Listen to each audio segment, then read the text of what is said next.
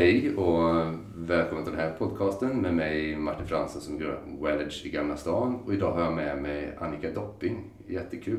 Tack för att du ville komma hit. Tack för att jag får komma hit. Och tänkte skulle prata om ungefär en halvtimme lite grann kring våra olika perspektiv kring hälsa och de olika trenderna kring hälsa.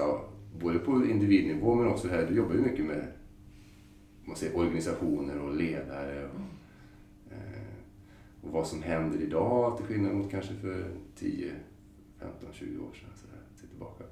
Och sen kanske vi berör lite av det andra områden. Så jag hoppas att kunna ge dig under en halvtimme, du som lyssnar, många goda smakprov så du kan njuta och eh, få med dig mycket matnyttigt.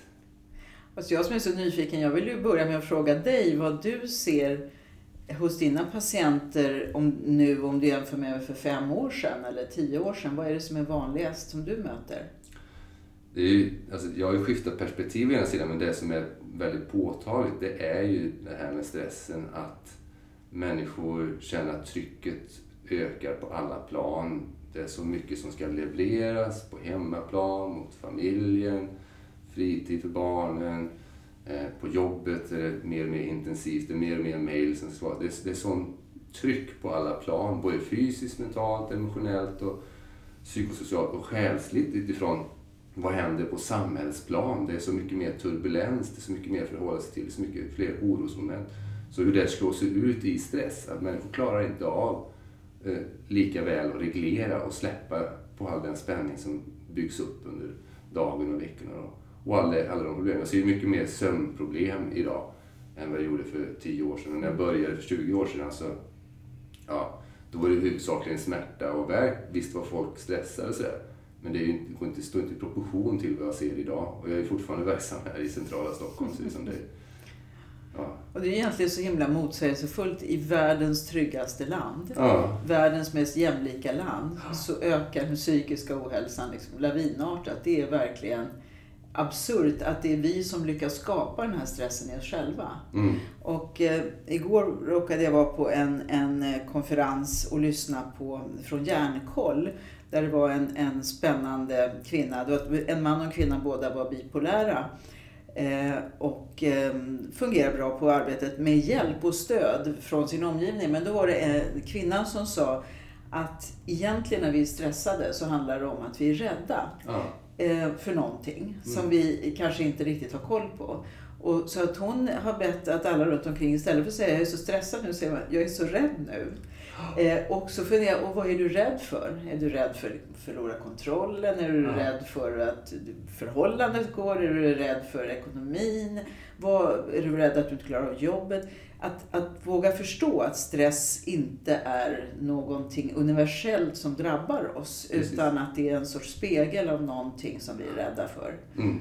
Och det tyckte jag var jättespännande. Hej, jag är rädd idag. Det är, det är inte så vanligt att, att identifiera det. För då, må, då, tvingas, eller då är det en inbjudan till att ta nästa steg och fundera vad rädslan handlar om. Mm. Ja, jättebra. Mm. För, för, för det är ju så att stressbegreppet har blivit lite urvattnat. Ja. Det är ju så här, vad är stress? Ibland byter jag ut och använder det som belastning då. Alltså hur mycket tryck är det på det? Hur mycket belastning mm. har det? Men det är ju också så här, det är liksom det här mekaniska. Men det här, det, fundamentet är ju det här vi behöver, vårt system behöver känna sig tryggt. Ja.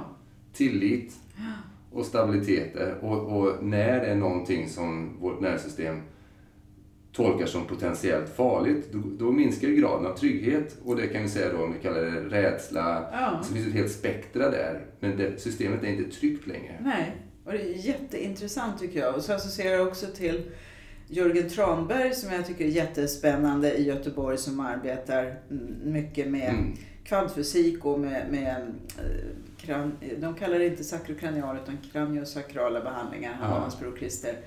Och eh, att just påminna om att för att systemet ska återhämta sig så är det stillheten som gör allt möjligt.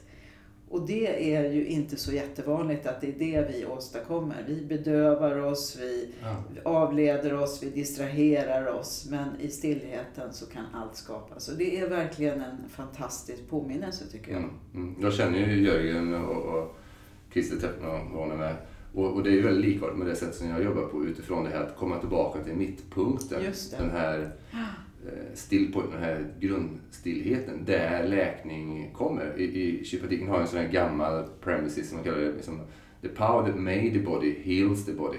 Alltså den kraft som, som skapade kroppen i befruktningsögonblicket och första celldelningen, det är ju den som läker oss också. Och under, under den här första stunden när spermier och ägg har mötts, då nästkommer den och det är ungefär två dygn, så är det totalt stilla. Det är bara som en bygger, tappar in i den här, man kallar still, den här still, absoluta stillheten. Och det är därifrån växandet kommer. Växandet kommer ju hela tiden från den här mittpunkten som alltid är stilla. Navet är ju alltid stilla.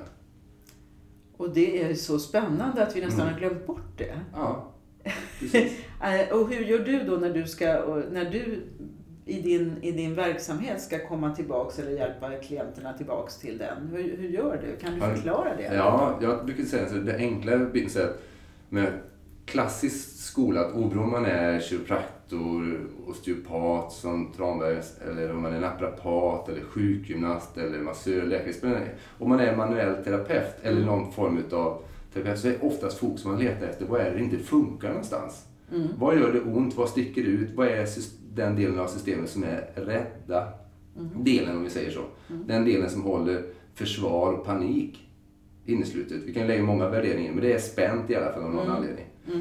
Och det är rätt och bra att gå dit givetvis. Men det som är extra intressant, det vi kallar då en spinal gateway, det är ju som en port. Var, är, var hittar vi de områdena i vävnaden, i huden, som är så att säga ankare, resursankare för trygghet? Mm. Och när vi berör dem, mjukt och väldigt försiktigt, till kontrast mot hur man ofta går på andra områden på kroppen, så, så tappar vi in och påminner nervsystemet, påminner vävnaden och hjärnan och cellerna om den här tryggheten som alltid finns där i botten. För hur ofta har vi verkligen en tiger som är på väg att ta och fånga oss? Det är väldigt sällan. Och vi som är kreativt lagda, vi är ju väldigt påhittiga när det gäller olika ja. faror som kan hålla upp sig. Och jag menar samtidigt så bombas vi med med eh, ebola och, och ja. Putin och, och massa kollapser och hot. Så det, det är ju inte, det är inte konstigt om man svarar på det heller. Eh, så, och det finns ju många som säger att det där är eh, att det är ganska klokt att filtrera bort en hel del. Mm. Om man nu inte är rustad så att man, att man kan ändå vara i sin lilla bubbla och inte, inte blir så påverkad. Och en del av oss tror jag verkligen ska göra en sån, censurera en del som bara stressar upp oss. Till exempel, jag är väldigt empatisk, jag har väldigt utvecklade spegelneuroner. Och jag märker att när jag läser om till exempel olyckor där barn blivit föräldralösa. Jag håller på i flera dygn och mm. går in i deras smärta. Ja. Det är väldigt opraktiskt. Ja. Eh, och det är liksom det, det, det, det, är en sån, det är ett sånt deltagande och det kan ju vara jättevackert men det, det är mera jag tror tyvärr inte att jag lättar deras börda utan att jag ökar min. Eh, och då kanske man inte ska utsätta sig i onödan utan tänka var kan jag verkligen göra nytta? Mm. Och där använda sin inlevelseförmåga. Ja, precis. Och, den, för den är ju, det är ju det som gör människan så unik. Så är spegelneuronerna, det är ju de, för lyssnaren då, det är de neuronerna som har sett i ungefär 96-97 det här, att alla människor och han upptäckte hos apor att vi speglar varandra. Vi kan inte förstå varandra utan att våra kroppar på något sätt formar om sig och håller lite grann. Vi, vi härmar varandra hela tiden för att kunna förstå och känna in. Och det här har vi ju olika, hur pass mycket vi har med oss utav det här, hur påslagna de mm. är, hur välutvecklade de är. Och de är ju fantastiska för det gör ju att vi förstår varandra. Mm. Du som lyssnar nu förstår förhoppningsvis ja. lite utav det. Även om vi inte ser våra kroppsspråk. Vi står och viftar med armarna och vi tittar på varandra här. Och så, så att det där pågår ju hela tiden. Mm. Och det är jättebra. Problematiken är när ju, som med allt nu kallas det, när, det, när det, vi bär med det, när det inte är behövligt längre. När vi inte kan, så att säga, om du sa, stänga av det. Ja. Läser runt på det här. Ja, alltså, vi, när vi inte... Och jag, jag kommer ihåg en konferens jag nyligen eh, ledde där det var en kvinna som sa, ja, en, en kvinnlig chef som sa att vi har en grön och en röd box och så varje gång som någon kommer sättande med ett problem så frågar vi, tillhör vi den gröna, tillhör vi den gröna boxen som vi kan göra något åt eller den röda boxen som yeah. vi inte kan göra någonting åt? Eh, och då är det ju väldigt ofta röda boxen och då släpper man det. Och det här är ju en träning att lära Mm. sig det. Att inte gå och älta och gnaga på det som vi inte direkt, vi kan inte omedelbart lösa problemen i Nordkorea eller eh, andra eller eh, Rysslands inrikespolitik. Och då kanske inte är där vi ska fokusera vår energi. Precis. Nej, men jag tänker också på när du säger det här med kroppsspråken att, att det finns ju de som är lite bekymrade över unga personer som bara eh, använder synen, eller ja, tummarna då för att Ja. skriva. Men liksom det är text. Det är inte titta i dina, eh, Ja. hur reagerade du nu? Det är inte oj, drog du undan eller närmade du dig? Ökade, eh, Ja. växte pupillen eller inte? Utan du har den här skärmen som Ja. filtrerar. Att de blir, de blir oförmögna att läsa både tonfall och kroppsspråk många gånger. För att de inte tränar på den, det mänskliga umgänget. Och det, det är ju viktigt att förstå. Ja, Vad och, det är det, ja precis. och jag tror det är det kommer vi se problem och, dessutom då som vi alltså har ju generationsväg nu att det blir ju så fullmatat med, med animerade 3D-filmer och 3D-spel och där också ansiktskomplexiteten, alltså det, det är inte så levande när, när det, ännu i alla fall, när det rör sig och uttrycker sig. Eh, och även med filmer så säga, där det är oproportionerliga vilka responser som fås och inte fås på händelser. Mm. Alltså, och så, så att den här avtrubbningen som därmed sker, eh, den, är ju, den är ju inte bra. Nej, för det här är ju som du säger, det är evolutionärt nödvändigt att vi kan läsa och förstå. Och, och både när det är fara och när det är vänskap och så, att, att, Mm. att ha kvar det intakt, den förmågan. Ehm, och, ehm, och, och man ska inte liksom, igen, inte gå in och oroa sig i onödan. Jag tror bara man ska som förälder eller vuxen tänka på att, att verkligen möta sina barn öga mot öga och, och lägga undan sin egen mobil också. Mm. Eh, och, inte, och, och kunna komma ihåg och upprätthålla den kontakten. Precis. Mm. För det, är- det är ju som, vi, vi har ju som ett antal system, jag gillar att prata om nervsystem så. Vi har ju den här äldsta responsen hur vi löser en konflikt eller en situation där vi inte är lika trygga längre. Det vill säga att vi rör oss mer mot rädsla, fara, Mm. ilska och det här spektrat. Det första är ju, det är ju faint, att vi svimmar. Det är det äldsta som vi har. Och det är det sista vi tillgriper så att säga. Man kollapsar och faller ihop. Och sen har vi det här, man, man liksom fry, fryser, man är bara blickstilla för att man ska inte bli uppäten. Mm. Spela död. Och sen har vi freeze, and, eller fight and flight, det här vi kämpar, eller flygbiten. Och det är ju det vi många är, så att säga, att vi, vi, sättet vi relaterar till varandra har ett påslag utav det. Det är liksom, rösterna höjs och ungdomar bråkar och så vidare. Vilket är helt rätt och riktigt under en fas utav att gå från barn och säga för det gör alla bägge, de fightas och bråkar för att känna av och så. Men det mest utvecklade är det sociala engagemangssystemet. Det är det som krävs mest utav hjärnan. Det senaste utvecklade det är just det här sociala engagemanget. Det som gör oss till sociala djur, empati, det som ligger i spegelneuroner, här att vi gör att vi kan relatera och vara med varandra. Men det är ju det absolut känsligaste. Det är det som snabbast faller bort vid potentiell fara. Vi rör oss från trygghet mot rädsla. Det är det först som faller bort. För de allra flesta. Det vill säga att vi blir mer oförmögna så att säga, till att titta på varandra. Vi vill, svårt, vill inte titta på varandra. Vi vill inte ta in varandra. Jag kan avslöja för lyssnarna att när Martin nu ska titta på mig så får han träna sina lårmuskler. Eftersom han är betydligt längre än jag så får han stå nästan på huk för att kunna titta. Jag blir lite. Eh, eh, Men när du ser då positiva saker som har hänt, om du jämför vad du har sett under de här åren då. Vad har blivit bättre? Ja, jag, jag tycker det som, det som verkligen är skiftet det är att det finns en mycket större öppenhet. Om man nu tittar på mindfulness-trenden, Mm, eh, hela den biten, hur den rör sig in i affärsvärlden, rör sig in i, inom ledarskap. Jättefantastiskt, hela den fokus. Vilket det är, man har tagit en eh, meditationstradition och, och, och, och satt lite andra etiketter på det. Fantastiskt.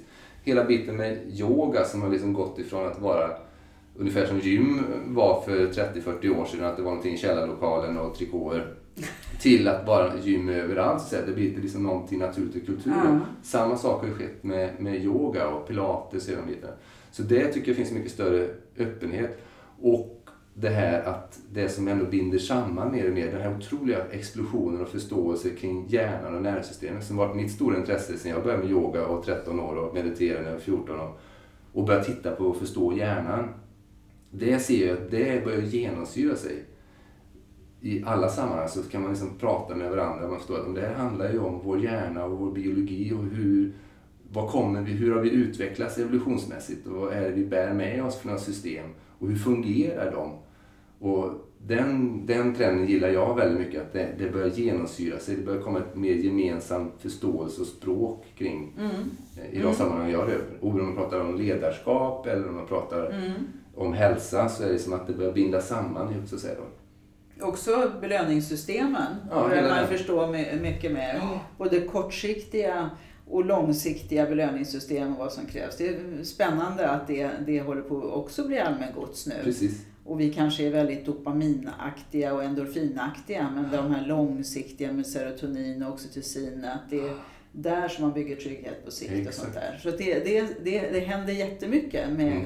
kommunikationen. Men när du, jag är nyfiken på din nya bok nu. Ja. Eh, din hälsokälla är du. De där fem hälsopelarna du kommer berätta, de är inte sådär jättesofistikerade nya, utan vi, vi glömmer bort det mest basala, är det inte så? Ja, tyvärr. Det, ja, men, det är är alltså, alltså finns, det finns så otroligt mycket som man kan dra iväg på olika tangenter. Men om man kommer tillbaka till, till det så är det grundläggande behov som kommer tillbaka till, till liksom, det är inte så svårt. Nej. Vilka är de här fem hälsopelarna då? Eh, grund och botten, det här går tillbaka till gamla grekerna och tidigare till Ramses, så är ju det att först är det att tänka rätt. Vad är det för något valt perspektiv jag har kring saker och kring? Alltså vad har jag gjort för sant och hur kan jag skifta det? Du pratar om grön och röd box. Jag mm. lär ut mycket sådana enkla bitar till att kunna tänka rätt på förhållningssätt.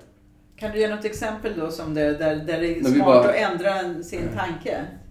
Till exempel, jag tar lite exempel, om man är väldigt empatisk, man väldigt lätt eh, går in och, och bär starka känslor så att säga, och så bär man med sig det. Ja. Så kan man börja ställa frågan, är det här mitt egentligen? Mm. Vem tillhör det här? Ja. För man har varit i, i, läst någon text, sett någon film eller pratat med en väninna på kaffe och sen så bara så, så går man därifrån. Så, ja, så, så, känner man någonting. Man känner sig nedstämd eller ilsken eller frustrerad. Så kan man fråga egentligen, hur mycket av det är egentligen mitt eget och hur mycket av det är att jag har speglat och bär kvar. Vi är sociala djur och tillstånd smittar. All forskning visar det här.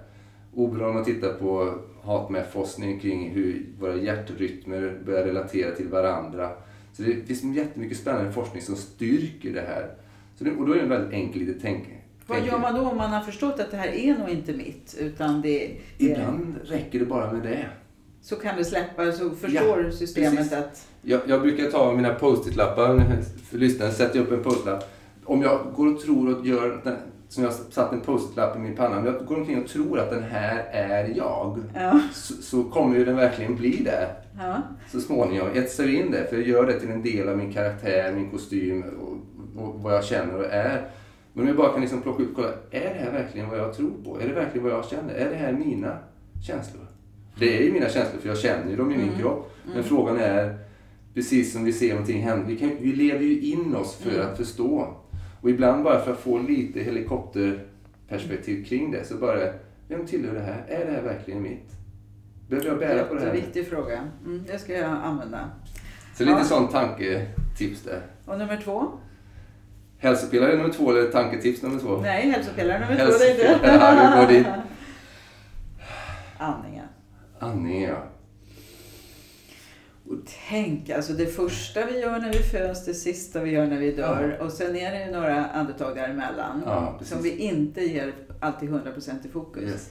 Och, och, och liksom alla vishetstraditioner, alla traditioner så har man med andningen som en viktig komponent. Om man går till Kina med tai chi och qigong så är andningen jätteviktig.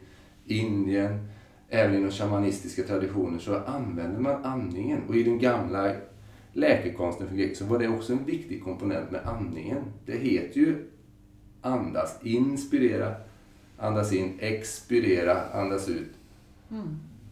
Alltså ta in anden. Så det finns så många kopplingar till det här. Att, att kunna vara medveten och vara i våra kroppar. Och vara närvarande i våra kroppar. Att ha andningen som en, en eh, barometer där är så otroligt värdefullt. Och alla de här hälsopelarna, särskilt när vi tittar på andningen, är ju en väldigt bra barometer för, det är inte bara en hälsopelare, utan det är en måttstock också.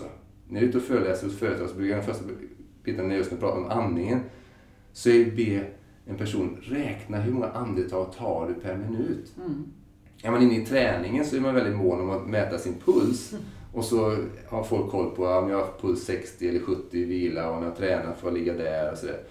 Men det är väldigt få som har koll på hur många andetag tar de per minut när de tränar eller sitter i med tv-soffan. Mm. Och vad är normalt där. Och då är det så att för de flesta av när vi är i vila ska vi ha 4 till 6 andetag per minut. Och de allra, allra flesta ligger på dubbla till tredubbla. Mm. Och då kan man bara det ha en måttstock på det och så kan man börja då läsa att till exempel andas fem sekunder in och fem sekunder ut. Och helt plötsligt så har man sex andetag per minut. Eller om man är väldigt uppe i varv och börjar förlänga och dubblera utandningen. Tre sekunder in, sex sekunder ut och lite paus däremellan. Så helt plötsligt har man också återigen sex andetag per minut. Så det är någon sån här jätte... Sen kan jag lära ut massvis med olika pranayama-traditioner, alltså mm. andningsövningar. Men det är basen, att bara börja uppmärksamma hur andas jag just nu? Är min andning just nu i proportion till den situation jag är just nu? Den kan vara mer stressad än vad situationen är in real life kan vi säga. Ja, så för många ligger och har ett andningstempo på kanske 18-20 andetag per minut när de sitter och slappnar av. Och det är ju som att skulle vara på tennisbanan och liksom spela. Mm. Det är som att trycka, vrida upp tomgången på, på motorn när man står vid rödljuset och brum, brum, brum. Det kan ju vara kul ibland men inte jämt. Okej, okay, så då har vi tänk, tänk rätt och andas ja. klokt. Och sen nummer tre? Dricka rätt och äta rätt har jag bakat ihop de två tillsammans. Alltså dricka och äta, ta in rätt näring. Och egentligen är det också uppmärksamhet, inte bara att ta in rätt näring utan att se till att eh, i dagsläget att inte få i sig alla de sakerna som man inte behöver tänka på för 400-500 år sedan lika mycket. Men alla de toxiska ämnena som kan förgifta oss. Alltså, både bli av med saker eller och inte få in dem i Få i sig rätt saker i rätt mängd och proportioner och se till att eh, avgifta kroppen och se till att man inte får i sig så mycket av alla tillsatsämnen och annat som sliter jättemycket på våra kroppar och, och hjärnor och nervsystem. Vad säger du om drickandet då? Vad är viktigt där? Ja, grunden är ju vatten. Det är ju som basen. Men det, alltså... Många tror att kolsyrat vatten är en höjdare. Ja, det är ju en höjdare om man vill få den där fizzy-effekten. Och försura kroppen, det kan man ju vara Ja, det är jättebra om man vill försura kroppen. Andas snabbt, ät jättemycket kött, drick jättemycket eh, kolsyrade drycker och Vips! Simsalabim och rök mycket. Simsalabim så har du en väldigt försurad kropp som åldras med en rasande fart och all ohälsa är på men alltså det, ja. Jag menar, ofta vet vi inte om det utan vi tycker kolsyrat vatten känns harmlöst. Liksom. Ja, precis. Men, men det är så att det är otroligt slitsamt. Kolsyra är ju en buffert. Hur då? Alltså, när du tar koldioxid och tar ner det i vatten under tryck så får du kolsyra. Mm. H2CO3. Och den fungerar som en buffert. Den är ju lite sur, men när du tar ner den i magen som är ännu surare så drar den, gör den faktiskt först magen, matsäcken mer basiskt. Och det behöver det vara väldigt surt för att kunna spjälka viss mat där. Men sen så reagerar resten av systemet längre ner och så får man en, en, då en obalans mellan syra och bas i blodet för att det blir svårare. Kroppen får jobba hårdare. Så det är ingen bra alls.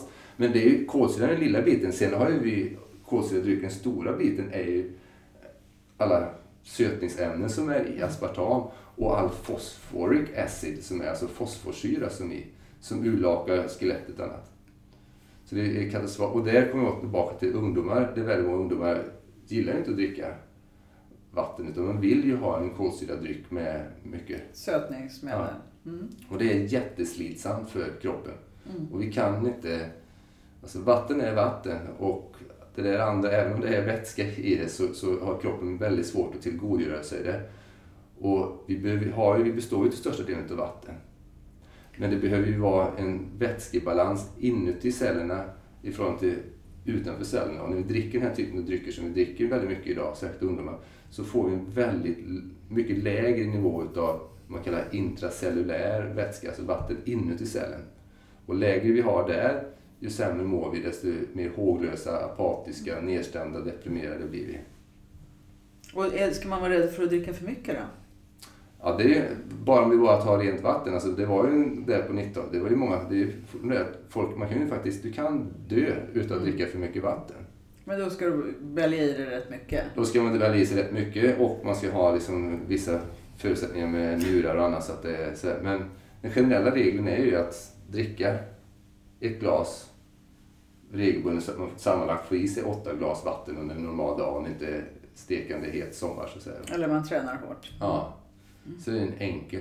Men det är ju vattenkvaliteten, att mm. se till att det mm. är tillräckligt bra pH-värde. Och vi har väldigt bra pH i kranvattnet faktiskt här i Stockholm.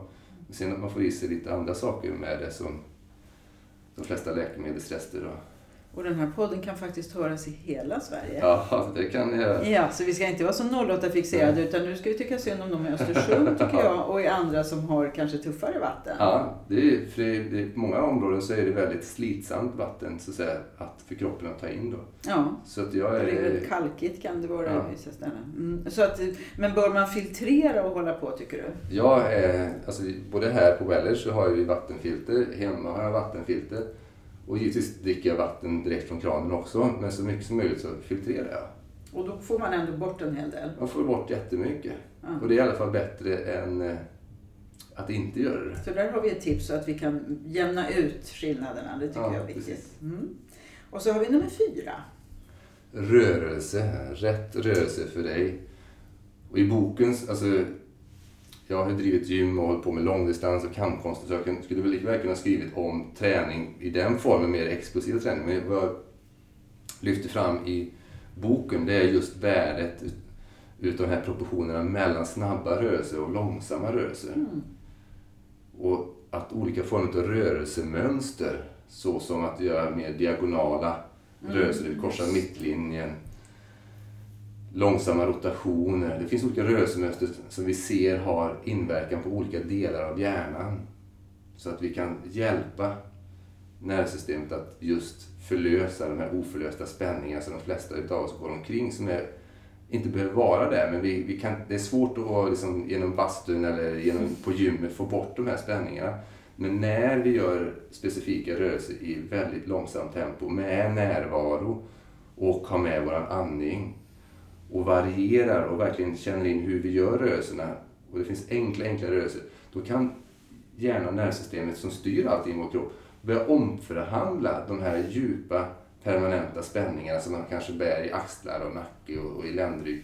Så att den här krampen börjar faktiskt släppa inifrån och ut utan att man behöver banka på det så att säga. Och det är det jag lyfter fram i, den här, i det här formatet i boken då kring just rätt rörelse för dig.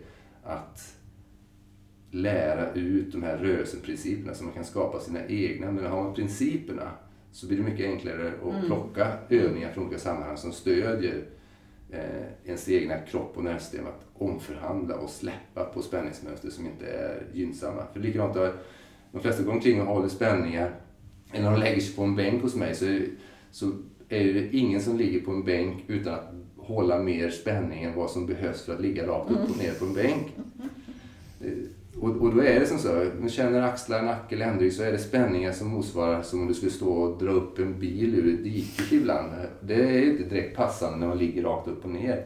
Vi, vi har sån anspänning i kroppen så vi vågar inte lita på att britsen bär. Nej, och även om vi gör det så kan inte den, det hjälper inte för den signalen, det är en djupare del av, av hjärnan nere i hjärnstammen, lillhjärnan, som håller kvar den här djupa spänningen. Och den spelar ingen roll om att jag säger att ja, jag är trygg, jag är avslappnad här. Det gör inte att muskeln blir, den når en viss grad av avspänning, men för att nå det ytterligare så behövs det en rörelse och beröring för att så att säga kunna tala till den delen utav nervsystemet och hjärnan som är ansvarig för den spänningen som inte har släppt tidigare. Och då kan den förlösas. Men det går liksom inte att säga slappna av. det, men, det, men där har ju, trollar ju du så att du liksom lurar systemet ibland. Eller? Ja, det är just genom att, det, att, den, att jobba med den här principen, att titta på var finns resursplatserna i kroppen? Var finns de områdena som redan är relativt sett mest trygga och därmed mest avslappnade. Och genom att ta kontakt där på rätt sätt så utlöser vi ju reflexer, avslappningsreflexer som gör att de här spänningarna kan släppa inifrån ute. För att signalen ändrar sig till de här områdena. Otroligt fascinerande att kroppen överhuvudtaget är så responsiv. Ja. Ja. Och till sist då den femte. Den femte, ja. Rätt sömn. För det är det som jag sa, du frågade mig vad är det jag sett. Och det, det jag sett är att det är väldigt få som kommer till mig idag. Även om de, söker, de kan söka för smärta, de kan söka för ångest, de kan söka för huvudvärk, magbesvär, andra saker. Men det är väldigt få som inte... Eh, har några bekymmer med sömnen? Med sömnen, ja. Så, och jag har många som kommer för sömnbesvär i sig. Mm. Men det är väldigt många som har det, så de vet inte om det. Och sen eh, kanske då när vi pratar så, här, så märker de att ja, jag har ju det också. Mm. Eller så är det det att så plötsligt märker de efter första eller andra eller tredje besöket med sig. Vad gjorde du med mig? Jag gick hem och jag sov i 18 timmar. Vad gjorde du med mig? Det är lilla du är det, dig, är det du som kan utlösa god sömn alltså? Ja, precis. Det krävs att man går till dig. Det krävs inte, men det är väldigt bra. Men det finns andra enkla principer. Till exempel?